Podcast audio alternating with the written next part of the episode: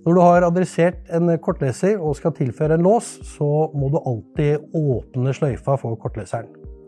Og det du gjør da, det er at du tar av strømmen på dakken. Du setter alle dippene i off-posisjon. Holder tamper-switchen nede, det er den fjæra her. Og så setter du på strømmen igjen. Når den blå lampa begynner å lyse nå, så um, kan du slippe tamper-switchen, det vil da si fjæra. Og så må vi bare vente til han er ferdig med å telle. Og det tar som sagt da ca. 40 sekunder.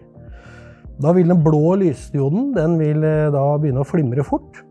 Og den, lyse, eh, den gule lysdioden den begynner å lyse konstant. Nå ser dere at den eh, blå lysdioden den flimrer fort, og den gule lyser konstant gult. Hvis, dersom du ikke får det gule lyset, så sier egentlig dakken at han ikke har kontakt med noen lås. Det du skal gjøre nå, det er at vi tar av strømmen igjen. Så kobler vi på låsen, som har en fast kobling.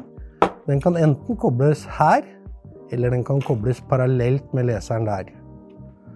Så setter vi på strømmen igjen, og da må vi vente ytterligere 40 sekunder. Men nå ser du at jeg ikke holder temperswitchen nede.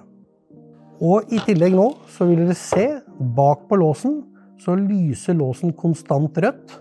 Det betyr at låsen er åpen og klar for adressering.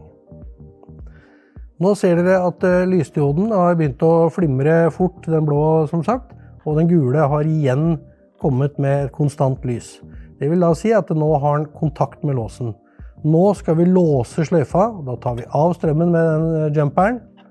Vi setter da dipp nummer én i on, hvis det er den adressen du bruker. Og så setter vi på strømmen igjen. Nå er du ferdig adressert, og du vil se at eh, den blå lysdioden den blinker rolig.